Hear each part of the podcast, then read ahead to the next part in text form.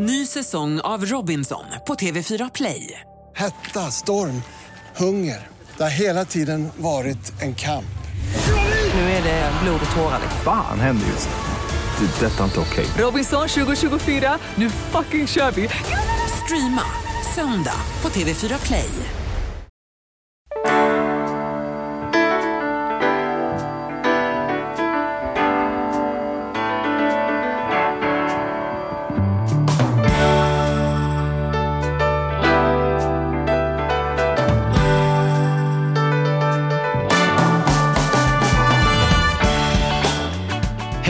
Välkomna till Ekonomi på riktigt med Charlie och Mattias. Den här veckan är vi sponsrade av Klarna. Eh, som vi känns skitkul att ha som samarbete med där vi gör roliga saker i appen, skriver lite eh, artiklar och tips så man kan svara på frågor och grejer. Men vad ska vi säga om eh, Klarna så här initialt? Idag är det ju ett riktigt Klarna avsnitt Mattias där vi ska eh, liksom eh, försöka svara på de frågorna som har kommit in och eh, göra lite snillen spekulerar är väl att ta i. Men eh, du och jag spekulerar i alla fall. Ja, men vi spekulerar och säger att eh, ja, men Klarna går ju från Klarna till Klarna. Nej, men alltså jag... jag Ah, ja. Nej, men jag, det jag vill, nej då, men det jag vill ha sagt är att jag nu, när man har kommit i kontakt med Klarna på ett, på ett närmre vis och jag börjar, man ser mer runt omkring sig när man är ute på nätet och hur faktiskt smidigt det är. Eh, jag har varit lite så här, Ja, lite försiktig ändå med internethandel. Det känns tryggt att gå in och köra via direkt via banken. Och jag tar hellre kostnaden direkt och så. Men jag måste säga att nu, nu efter, nu har jag verkligen liksom dissekerat och använt funktionerna. Och jag tycker att det är riktigt, riktigt bra. Det, det är så. Jag, jag, är, jag är en stolt Klarna-användare. Så nu får jag betalt för att säga det. Men det hade jag sagt ändå. Eh, Så är det faktiskt. Mm. ja, vad kul. Du, och, eh, och vi har ju också ett fint samarbete med dem eh, i deras app. Så att, eh, mi- mitt tips är också att man går in i Klarna-appen och sen går man ner under inspiration. Och där så kan man gå in och ställa frågor till oss. Eh, och det kommer in jättemycket frågor och vi kommer att, att beta av dem allt eftersom. Eh, Så att, eh, har ni funderingar och tankar, gå gärna in på Klarna-appen och eh, ställ frågor där. Eh, superenkelt. Nu får du fråga mig om jag har gjort något spännande i veckan. Nu måste jag fråga dig en grej. Har du gjort något spännande i veckan? Du, det har jag. Jag har ju köpt en ny lägenhet. Har du gjort det nu? Ja, Ja, men- det är, men det är men- så plågsamt detta att, ja men det- det- lugn nu, det kommer här. Jag, ja, när jag, jag och Andrea försökte få Primus så, så var ju det tufft för oss och det var liksom, det gick inte och så går en månad och sen så är det liksom pinka på någon sticka igen och så gick inte och gick inte. Vi höll ju på i många år och försökte få barn. Och att försöka köpa lägenhet är faktiskt helt annorlunda men ändå lite samma. Man liksom går på, på någon visning, kärar ner sig i någonting, budar och budar och så gick det inte för den gick upp till någon annan. Och sen så på det igen och sen så bokar man in visning och tänker på onsdag ska vi se den där, det kommer bli kanon och så hör mäklaren av sig och säger nej den är såld före visning. Och, så får man, och till slut blir man ju så här, jag orkar inte, nu måste jag ta rast, jag orkar inte engagera ett boende en gång till som ändå inte blir av. Men, och vi var så, för en vecka sedan som Andreas här, nu, nu får vi ta paus från detta, om det inte blir någonting med det vi har på gång nu, då, jag, jag spelar ingen roll vad du sticker upp för prospekt i ansiktet på mig, jag, jag blir ingen sugen på att titta liksom. Och då hände det, då, då var det faktiskt så att vi lyckades eh, få till en affär. Och då går man ju eh, på Kungsholmen, sig kvar på samma ö men, men större och sådär. Men det som är roligt är ju att man har den här processen, jag vet inte om du har haft den, men att man börjar med Men vad, ja, jag måste man- fråga vad det är med er och Kungsholmen, men det kan vi ta sen. Ja, fortsätt. Ja, mm. eh, nej, men man börjar ju med, med eh, att man tänker att det här kommer ju inte gå vägen. Man har ju varit med förr, man kom, det kommer, den kommer dra iväg för mycket. Liksom. För jag är ju väldigt mycket så här som vi har pratat om tidigare, jag tittar och sen tänker jag vad är den värt för mig? Och sen hamnar det inom det, ja då var det väl rätt. Hamnar det inte inom det, då var det inte rätt. Då var det, någon, då, då var det inte så. Så är jag ju, ser jag en snygg kavaj, då tänker jag ju, vad ska det stå på prislappen för att jag ska köpa den? Innan jag kollar på prislappen. Så blir jag inte liksom lurad av, åh, är halva priset liksom. För mig var den liksom så här snygg. Och, och eh, så var det här också, och då tänker man så här, det kommer inte bli, för det har vi varit med för, det kommer inte bli, sen blir det färre och färre kvar budgivning. Tänker man så här, fan, det kanske kan Ja, det kanske kan gå ändå. Och sen så till slut är det så här, ja, nu är det ju vi. Det är bara vi kvar, vi ska skriva ikväll. Och då tänker man så här, ah, ja, men du vet, det kan hända saker under dagen. Det kan komma in något nytt, de kan ändra sig, liksom ingen mening att hålla på och fira i förväg. Sen är det en timme kvar, tänker man, det blir. Och då sätter en helt ny känsla in som är, helvete, har vi missat något? Om ingen annan, liksom, först tänker man att andra har missat en pärla, sen tänker man det är jag som har missat, det är något uppenbart fel på den här som gör att ingen annan ville ha den. Liksom. Det är en kort, kort runda av panik i huvudet när man tänker så här, nu skriver jag på ett avtal för en massa miljoner här och ingen annan tyckte det var en bra idé, då måste det uppenbarligen vara dåligt. Liksom. Ja, Känner du igen där- den, den där ja, torskfrosse-grejen på slutet? Ja. Där? Mm. Särskilt eftersom vi också utger oss för att vara lite ekonomiska experter. Eh, där vi ju också borde vara det med tanke på alla Mm. kloka människor vi har haft i våran podd sista åren. Och vi har pratat väldigt mycket om bostadsekonomi. Och, eh, Ja, vi har ju fått mycket tips på vägen. Mm, Ja, vi har, vi har ju fått så mycket tips som, som, som väldigt få kan få som inte jobbar i fastighetsbranschen. Så måste vi ju vara Mm. en av de mest upplysta. Och då är det ju extra jobbigt om man springer på någonting och missar något sånt där uppenbart. Eh, som att det ska byggas vind nästa år eller som att Mm. eh, föreningen har något skumt eller att Mm. man inte äger marken fast man trodde det. Det behöver ju inte alltid vara en nackdel. Men det kan ju vara många sådana här elementära grejer som Mm. man då missar. Men gick du igenom då alla de här eh, tipsen som, som du har fått eh, ge- genom podden och, och, och att du Ja. dessutom är mäklare faktiskt. Men alltså, har, har, har du någon lista då? Så här, checkar du av? Eh, ja, det har jag ju, men den blir ju slarvigare och slarvigare för varje, för varje runda man gör. Mm. Alltså när man har kört, liksom, som jag har ju hållit på nu då, vi, vi beslutade oss ju för ett halvår sedan ungefär att vi ville bo kvar i Stockholm som huvudboende och inte Spanien som huvudboende. Och då, eh, då börjar man titta och så börjar man titta så börjar man titta. Men, men, eh, och då blir man ju, eh, man orkar inte engagera sig på samma nivå i, i årsredovisningen på det 22 prospektet som man gjorde på det första och andra. Men jag, jag, jag eh, känner mig väldigt komfortabel med att jag har gjort rätt affär. Och det är ju inte för att, det, det är inte som en aktieaffär att jag tänker att det är någon spekulation. Utan det är ju därför att det är värt det för mig. För att jag kommer att trivas med att vara där. Liksom. Just det, men vad, för, för det är lite kul då att, att vi, och då tänker jag det måste ha med familjesituationen att göra, att vi har ju gjort en, precis gjort en rejäl downsize. Och Mm. jag utgår ju då ifrån att ni kan ju inte gärna ha gjort en downsize, eh, utan Nej. har gjort en upsize. Och då tänker jag att. Mm. vi har barn i olika åldrar, eh, så att säga, tänker jag är, är liksom anledningen. Eh, Mm. Men hur stor upsize blev det då? Nej men i kvadratmeter så är det en, kanske en upsize på 25 kvadrat, någonting sånt. Eh, mer. Men det som var viktigt var att Andrea ville få till ett badkar och det kunde vi inte där vi bodde och jag ville få till balkong eller uteplats och det, ja, det kan man ju inte få till bara sådär där man bor. Så att, eh, det var ju liksom två nycklar. Primus har ju behov av lite större rum för han har ju bara haft ett litet kyffe och han fyller ju 13 om ett år liksom. Så att, ja, men det, det, han behöver ju ha någon mer långsiktig lösning.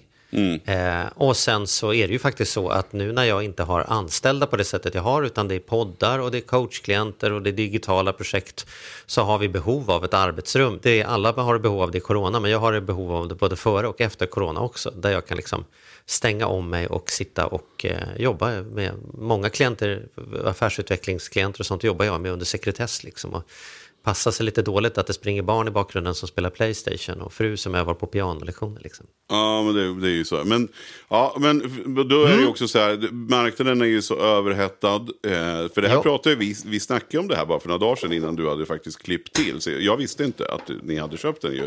Men Nej. då var det ju som du konstaterade att det är så jävla dyrt. Men ni, har ni hunnit sålt eran ännu då? För det blir ju ändå Mm. intressant nu då. Nej, vi skrev i förrgår eh, kontraktet på eh, den så att, eh, och vi har fotografering av våran lägenhet imorgon. Så att det är ändå snabbt jobbat med tre dagar emellan och jag har redan tagit in offerter på, på ombyggnationen av den vi ska flytta till. För det är ju ett renoveringsobjekt då. Så det är sånt som jag älskar att hålla på och pula med. Då. Så att, eh, så att eh, vi har ändå kommit långt på tre dagar, men den är inte, den är inte såld ännu. Eh, utan det kommer, den processen sätter igång. Men du, som, för, för, för de som undrar, eh, för det har vi faktiskt fått en fråga om också, som inte Mm. relaterat just till, till jobb, men ändå det här med borttagen före visning. Du som är mäklare, vad, vad, vad, vad är det, berätta hur, hur det normalt funkar. Alltså det vi har listat ut när vi har poddat om detta ett antal gånger och tidigare, det är ju det att, att eh, eh, mäklare har ju generellt sett inte en drivkraft att sälja objekten så dyrt som möjligt.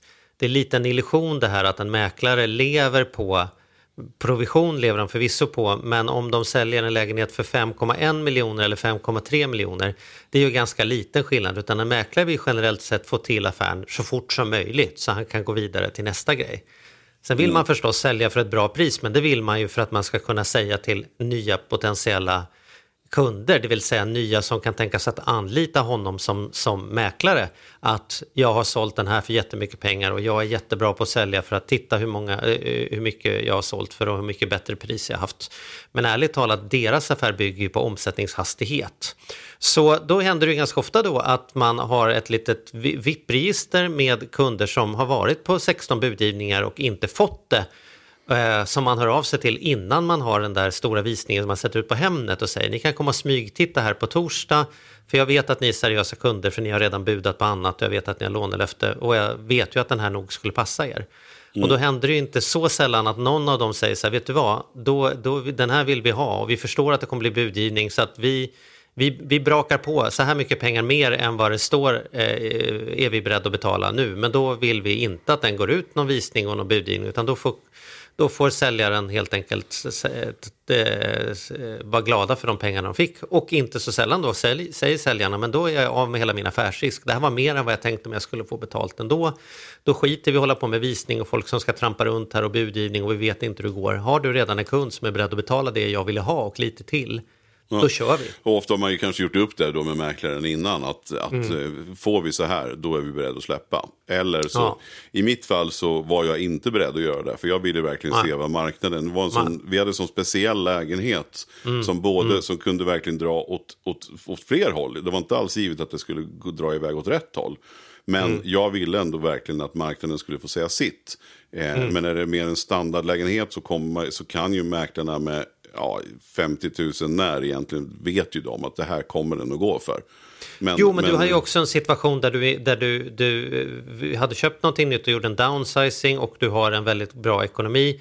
Så för du kan ju ta affärsrisken om den går upp eller inte går upp så mycket. Men någon annan kan ju sitta och vara så här, vi måste få 4 miljoner när vi säljer. Annars har vi inte råd att flytta in i det nya, för vi har inte lånelöfte på mer. Och kommer Nej, det då exakt. någon och säger, jag kan ge dig det du behöver så att du kan sova gott på nätterna. Då är det ju många som säger att det är värt det kanske skulle kunna fått 100 000 till på en budgivning men det hade också kunnat varit att jag fick 100 000 mindre och då står jag där och behöver sälja bilen. Liksom. Ja. Så, att, eh, så att det, det, jag har full respekt för att det kan gå åt båda håll men jag tyckte att det jävla fufflande på sistone med, med dolda bud och grejer. Mm -hmm. att det är mhm. budgivning och sen så tänker man så här, ja, men då ligger vi högst då. Så, så helt plötsligt så säger mäklaren, nej nu är den såld. Och hur kan den vara såld? Jag höll ju på att buda för fullt. Nej men vi hade ett dolt bud som var högre. Så det är, det är, det är någon överhettning i den här marknaden och lite konstigheter som pågår. Men har ni diskuterat, för ni har ju en väldigt, er lägenhet är ju på ett sätt eh, opraktisk, men på ett sätt jädrigt charmig och mm. praktisk. Mm. Alltså, mm. Er värld förstår jag med Primus att det kanske inte var helt rätt. Men har ni tänkt, hur, hur kommer ni, kommer ni att säga till mäklaren att uh, ja, vi är beredda att sälja innan visning om vi får så här? Eller kommer ni låta marknaden styra? Den, den frågan har inte kommit från mäklaren och det tycker jag är bra. Därför att mäklaren kan ju egentligen inte, alltså man kan inte ens gå ut med ett pris och sen ha ett annat pris som är det egentliga priset som man är beredd att sälja för. Det är brott mot lagen att mäklaren gör så. Det kallas för lockpriser. Det vill säga man säger att den här är till salu för 5 miljoner men den är inte det. Den är egentligen 6 miljoner för de kommer inte tacka ja till något annat. Så mäklaren får inte göra så och det verkar pågå precis hela tiden i alla fall. Mm. Eh, utan, utan eh, här har vi helt enkelt, jag och Andrea har förstås tagit i samtalet och sagt så här, om han hör av sig nu och säger så här, du det är en kund som är beredd att köpa den här eh, liksom mer eller mindre osett utan att hålla på att ni behöver ha visningar och, och ha massa purjolökar i kors på köksbänken. Eh, och då har vi ju resonerat ihop oss och sagt det så här, får vi den frågan då behöver det vara så här mycket för att vi ska säga, då tar vi det. Annars är vi som du, vi är inte på marginalen så det är, vi är mer intresserade av möjligheten att marknaden får få ge sitt max än att vi behöver säkra hem liksom att, uh, ja, ja mm. men du vet. Så att, eh, Ja, ja, men så det är, är det med kul. det. Det, Så är så roliga, det där är nya- roliga nya tider. frågor. Mm. Ja, det är roliga tider. Ja, så nu, Ja. Är det, så nu är det ju högaktuellt med, med eh, nya typer av googlingar. Och du vet ju redan när man googlar nya saker, då får man ju bara upp det plötsligt. Men jag skulle vilja ha en liten knapp. Det kan Facebook få, få faktiskt ehm, införa. En liten knapp där det står jag har köpt lägenhet. Mm. Så jag slipper få 62 nya förslag på lägenheter. För det är normalt sett inget problem att man får reklam och sånt man är intresserad av. Men jag, ju, jag har aldrig varit så ointresserad av att få förslag på nya lägenheter som jag är nu. Nu har jag köpt och jag vill helst inte se några andra alternativ. För då får man bara så här ångest. Oj, den kanske hade varit något. Oj, den eller ja, ja, ja. Du vet, så här, det, nu vill jag bara bort ifrån den marknaden så att jag inte sitter och, och liksom engagerar mig i vad jag annars hade kunnat köpt. Men det har inte Ja, Facebook där- fattat ja. för jag verkar ju trycka på så mycket. Jag trycker på så mycket mäklarannonser så det vill han säkert ha massor av även i framtiden. Jag skulle göra nej, nu är jag färdig, jag har köpt liksom. Det där är så intressant tycker jag, att man, hur man kan flytta fokus eh, väldigt snabbt från det ena. Man brinner då helt inne i bilköp till exempel. Och sen man, det enda man ser och tänker och äter och bajsar är bilar. Sen plötsligt så har man bilen och då är man helt ointresserad och switchar över på husbyggen. Eh, så mycket attefallshus som jag har tittat på under hösten. Eh, hur? det, det, är helt, det är helt sinnessjukt. Till att jag nu, eh, attefallshuset är klart, så jag, bara, jag vill inte se och höra mer. Nu är det glasverandor som gäller. Eh, Och snart blir det utegrillplats. Så att, ja. Ja, det är ofattbart hur, hur man ställer om snabbt. Eh, så. Det är häftigt. Men för att kunna köpa allt de här grejerna då, så behöver man ju ha... Eh, vi har ju pratat mycket om jobb. Vi har ju haft lite jobbtema här och det har, tycker jag har varit otroligt spännande.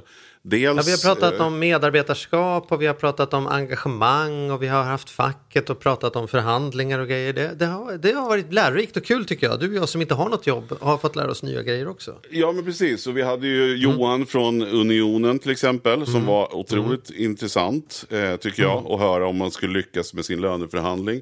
Det var också väldigt intressant, vi hade Christer, eh, tycker jag.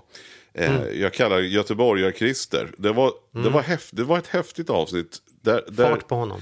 Ja, och det är sällan jag hör dig eh, bli överpratad eller överröstad. alltså, det var, som att, det var som att man hade dig på den här slow motion-grejen som gör att man låter berusad, som vi pratade om i någon podd. Eh, jämfört med Krille. Jädrar anamma vad han körde. Men jag, jag har lyssnat på den för att jag hängde inte riktigt med själv när, när vi satt och poddade. Jag bara Ja, du här- körde den på halvfart i efterhand. Så här. Nej men, jag 25%. lys- nej, men jag lyssnade på den i efterhand när jag bara kunde lyssna. För när man sitter och poddar och intervjuar någon som Christer så har man ju fullt fokus och förstår så här, hela tiden snabbt vad han säger och vad, hur du replikerar. Men då har jag gått in och lyssnat efteråt eh, på honom. Och han hade ju också en sån här snabb och ettrig Göteborgsdialekt som också inte svårt att förstå. Men du förstår vad jag menar, det går fort och man behöver liksom ställa om och sådär. Men då gick jag in och lyssnade nu igen. För annars så, så lyssnar jag, ju- behöver inte jag lyssna på våra avsnitt eftersom jag var med när det hände. Men i det här fallet så gick jag faktiskt in och lyssnade igen. För att jag skulle få vara med när det hände. Och det, han, han säger mycket bra saker. Otroligt mycket bra saker mellan just arbetsgivare och arbetstagare. Så att, det kan jag rekommendera för er som inte har lyssnat på Christer-avsnittet. Gå in och gör det. Eh, med, med, det med, med fokus verkligen på vad han säger. Inte på att häpna på hur, hur tyst du blev.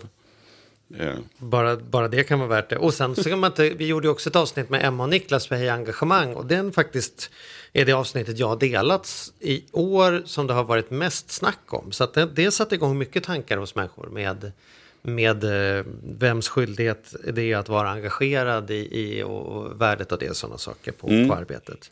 Men du, vi har inte bara fått ros, vi har också fått, äh, ris ska jag inte säga, men det har kommit in eh, lite feedback eh, från människor som har idéer på vad vi hade, vad vi hade bordat säga eller liksom gränsfall till frågor. För ska jag ta några plock här? Ja, vi kan väl ta lite punkter. Eh, vi har bland annat fått en, en kille som heter Viktor som har hört av sig.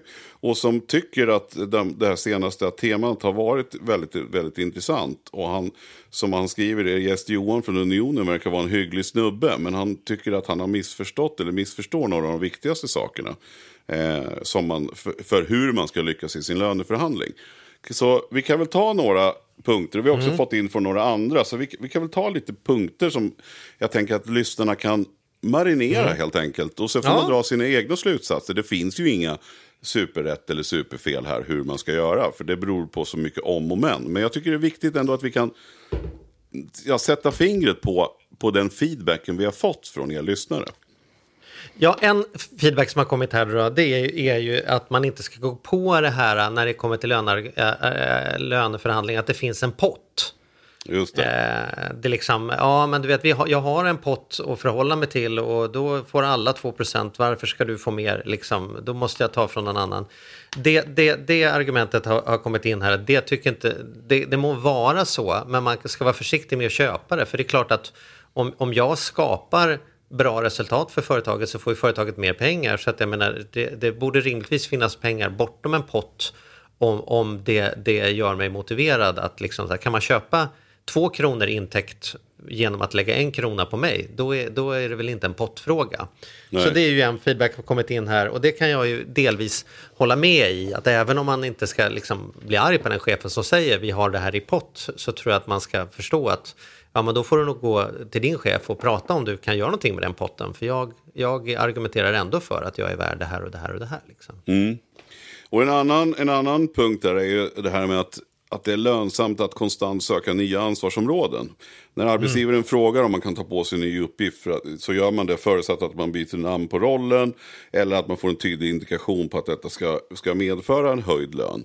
Eh, och där är det ju också någon så här, är ni nöjda med det som presteras? är ju nå- någonstans någonting som man ska undvika. Och det här kan jag ju tycka med eh, att man på arbetsplatser kanske slutar på sin arbetsplats rent av. För att man vill byta uppgifter istället för att man söker jobb där man redan är. Det där har ju du pratat mycket om Charlie. Ja, det, det, det har jag faktiskt blivit förvånad. Flera gånger har jag varit med om att det, har- att det varit anställda som har kommit och sagt upp sig. Och det, det är ju livet, det får man ju bara leva. Man, man, det, det är ju en anställningsförhållande, det är inget slavkontrakt. Så man kan ju inte sitta och bli bitter för att personal slutar. Det är klart de får sluta. Men ibland slutar de och säger så här, ja för att jag har fått en chans här att göra, jag har ju pluggat en del sociala medier, nu har jag fått chans att jobba med det på ett annat företag här. Och då kan jag ju sitta och tänka så här, ja men det hade du ju kunnat göra här också. Du hade ju bara kunnat knacka på dörren vilken dag som helst. Så här, Hej, hallå, du, det här med sociala medier tycker jag vi kan, vi kan göra bättre på vårt företag där jag jobbar här tillsammans med dig. Liksom. Hur vore det om jag slutar som receptionist, kan du anställa en annan och så börjar jag jobba med sociala medier egentligen. Jag tror att jag kan göra det här, det här, det här och känna så här, så här mycket. Det samtalet måste den personen ha haft på en anställningsintervju någonstans. Det hade väl lika gärna kunnat haft med mig. Men jag tror många är rädda för att det låter som om man är missnöjd med det man har eller man eh, ogillar att få ett nej så att man ska bara söka jobb någon annanstans eller söka tjänster som är utlysta istället för att gå in och skapa en tjänst. Gå in till chefen och säga så här, vet du vad, det här tror jag vi skulle kunna göra mycket, mycket bättre. Det tror jag hade varit jättebra om vi gjorde det här och där. Och vet du vad, jag skulle till och med kunna vara den som gör det.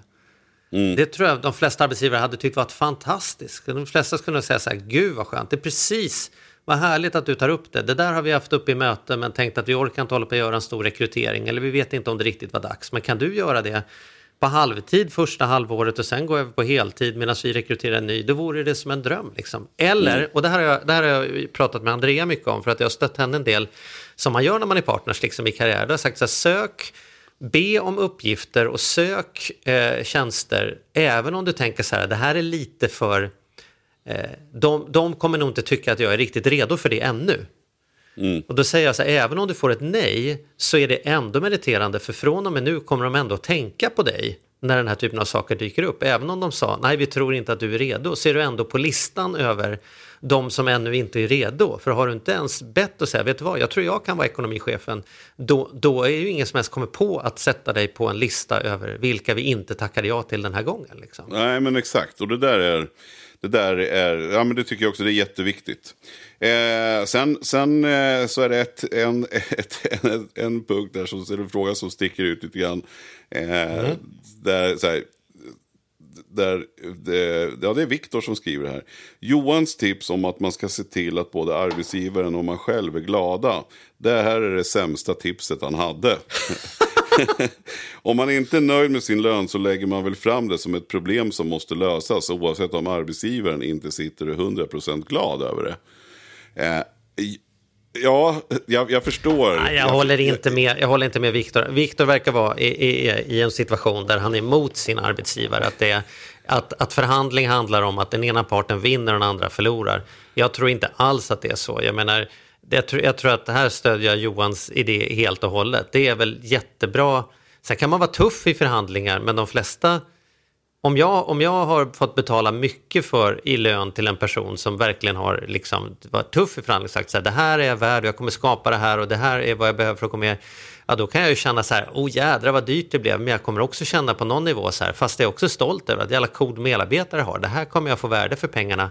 Så det handlar ju mer om att, att om, om någonting upplevs dyrt, ja men då får du vara tydligare med vad är ditt värde då, så att den personen tycker att det är värt att betala, ja, jag, inte att den ska vara sur efter mötet. Liksom. Nej, men jag, samtidigt så förstår jag, jag förstår Viktors eh, punkt i det att, att eh, många, man får inte vara rädd för lite, för lite obekväm stämning. Någonstans så, bara, bara, man är, bara man är beredd då också att fullfölja, så man inte sitter och en bister en bister arbetstagare som bara tycker det är skit och, och går in och, och, och, gnäller och sen ändå liksom då i så fall sen accepterar. Då måste man också mena lite med det man säger. Det vill säga, är man missnöjd så, så klart att man ska lägga fram det. Men frågan är, kommer man att bli glad och vilja hugga i om man får till en förhandling? Liksom? För då betyder det ändå att båda parter är glada. Så jag, jag håller med dig att Johans tips, som han menade, står jag bakom. Men jag tycker också så att man ska fundera då så, här, så, att man inte går och är emot sin arbetsgivare. För då kanske man ska byta arbetsplats. Eh. Men här har ju du ett, ett förhandlingsknep som, som vi har lärt oss den hårda vägen av journalister. Och då mm. tänker jag på tyst, tystnadsprincipen. Är du med på vad jag menar då? Absolut. Eh, ja, du är egentligen bättre på detta än mig. Kan inte du berätta om tystnadsprincipen? Jo, men helt enkelt att man bara vågar vänta ut svaret. För alla, man, man vill inte, det är jobbigt när det blir tyst. Och är man duktig att hantera en, en, eh, en... Jag menar, kvällstidningarna jobbar ju ofta så när de ställer intervjuer till folk. Att de ställer en fråga och sen så, eh, så är de bara tysta. Väntar på. Om de inte får det svar de vill så, så är de bara tysta. För att man då ska lägga ut orden och försöka förklara vad man menar. Och då får de ut ännu mer av intervjun. Så jag, jag, ringer och frågar dig, så här, Mattias, det ryktas på stan om att du har varit otrogen. Eh, stämmer det? Då säger du nej. Nej, det stämmer verkligen inte.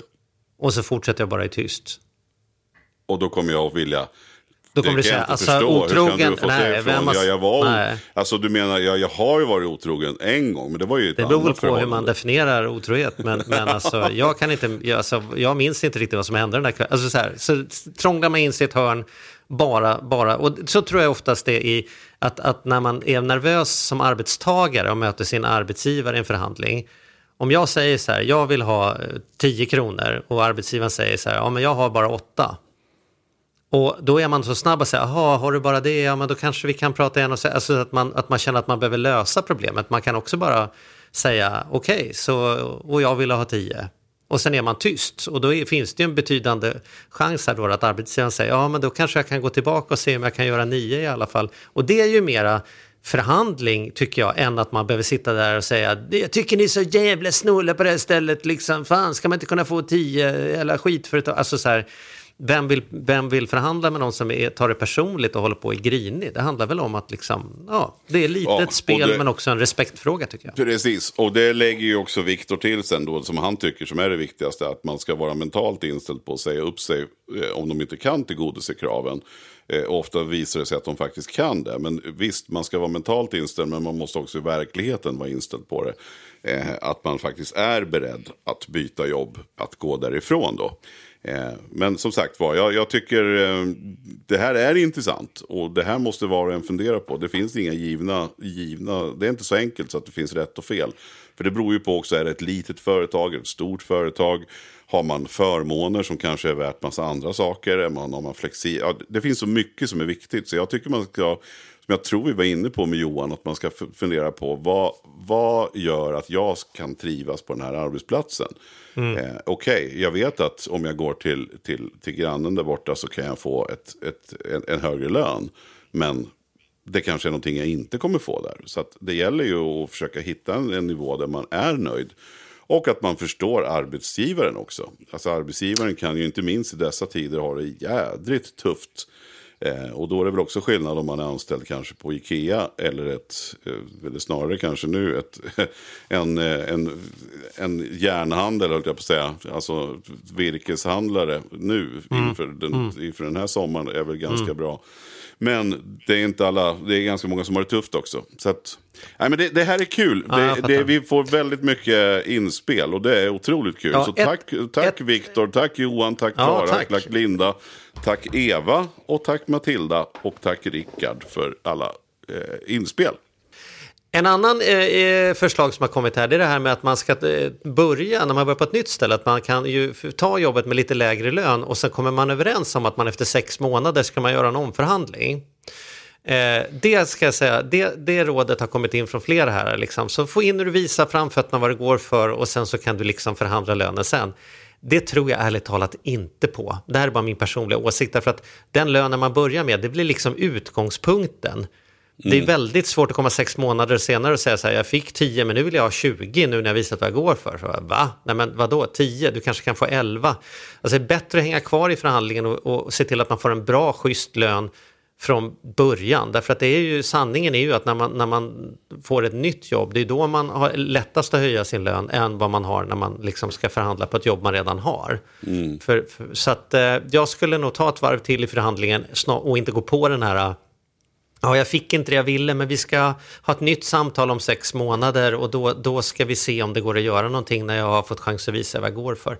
Det brukar ju inte bli så jävla mycket pengar på det där sex månaders samtalet, om det ens blir något sex månaders samtal, är min upplevelse. Men jag Ja, kan ju nej, men- ha en annan åsikt här. Jag håller, jag håller med dig och det tangerar ju lite grann. Det jag ägnar mig mycket åt det är ju förhandlingar i, i mitt Mm. jobb. Och där är det ju också, det kan man också, eh, vi hade ju Karl Fager som hade förhandlingspodden eh, som, som, som gäst. Och han- Mm. Det var väldigt intressant. Ja, väldigt intressant. Och det var roligt att höra för att han körde generellt sett efter samma linje som jag brukar göra. Det vill säga att jag försöker alltid lägga första budet. Eh, och det är ganska obekvämt ibland. Och ibland så vet man kanske inte exakt vad budet borde vara. Så att det finns ju en risk att man går för lågt. Eh, som man gjorde i skolan. Eller när jag to- skulle ta mitt första jobb. När jag klämde till med att jag ville ha 10 000 i månadslön. Och arbetsgivaren sa efter en halv sekund. Ja, ja, ja, ja, inga problem. Då var man ju så här, fan. Men ibland har jag ju också stått med byxorna neddragna när jag har föreslagit ett bud som ligger oändligt långt över vad de ens var beredda. Men jag tycker att det är värt det. För att då har man ju satt det. Då är det den, Den siffran nivån. blir Det är utgångspunkten. den siffran Psykologin som är säger utgång- att det är det Ja, ja. precis. Då är det den som är utgångspunkten. Eh, Mm. Och det tycker jag är lite grann samma, samma tes lite grann som du säger också det här med att man inte ska säga komma överens först och sen om sex månader gör vi om. För då är det ändå grundlönen, det är ändå man utgår liksom. Jaha, men ska du ha 3% till? Det är, ju, det är ju vad man årligen Mm. möjligen kan få. Då har man liksom målat in sig lite.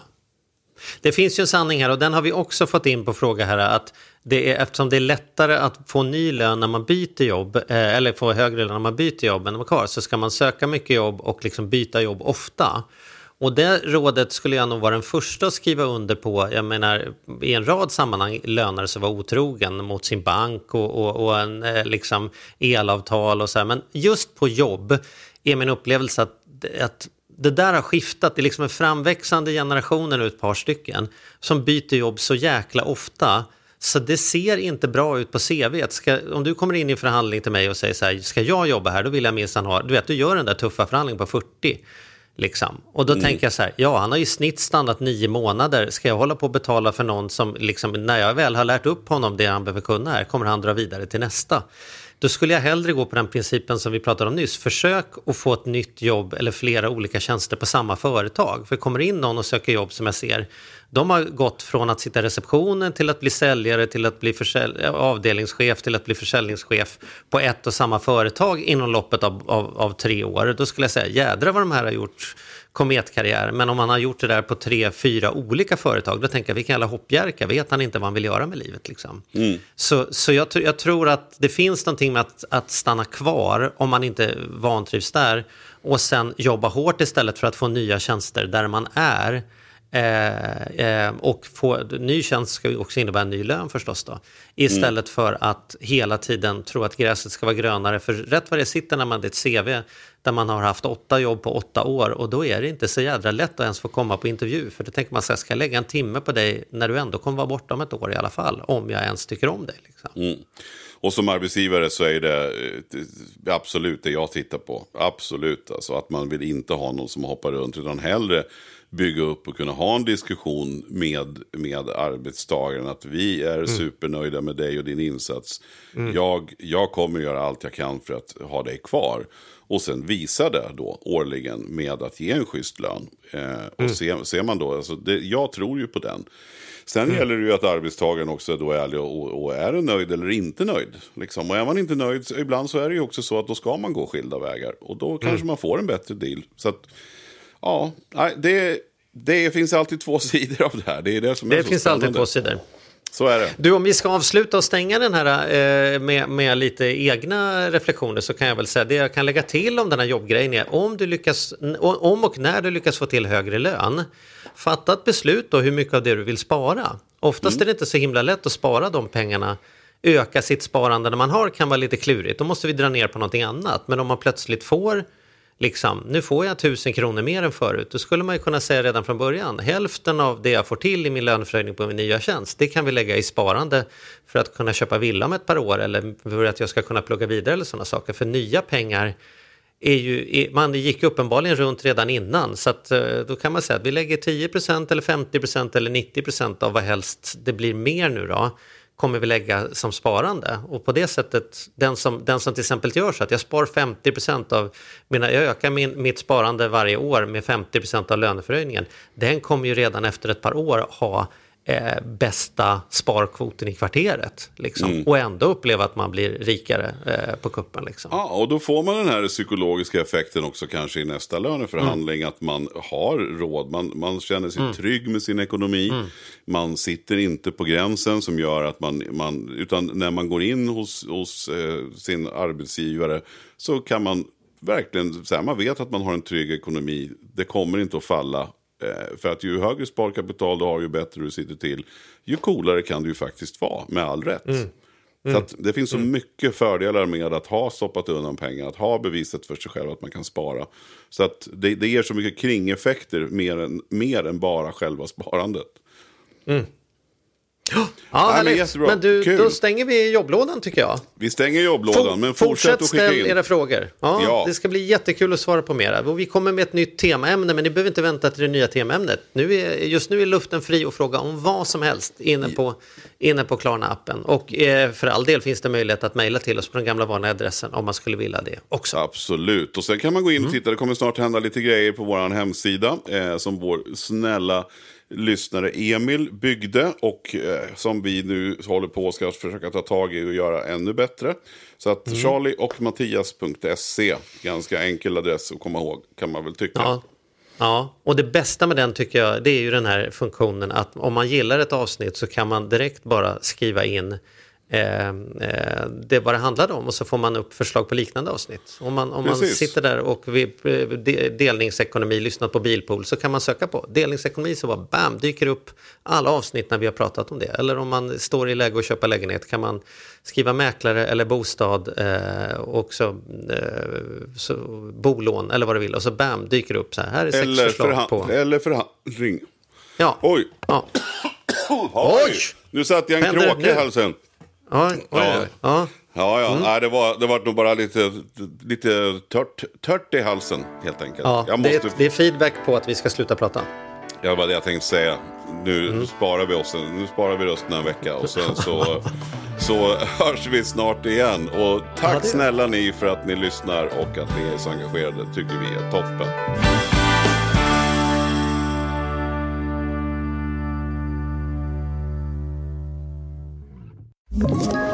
Ett poddtips från Podplay.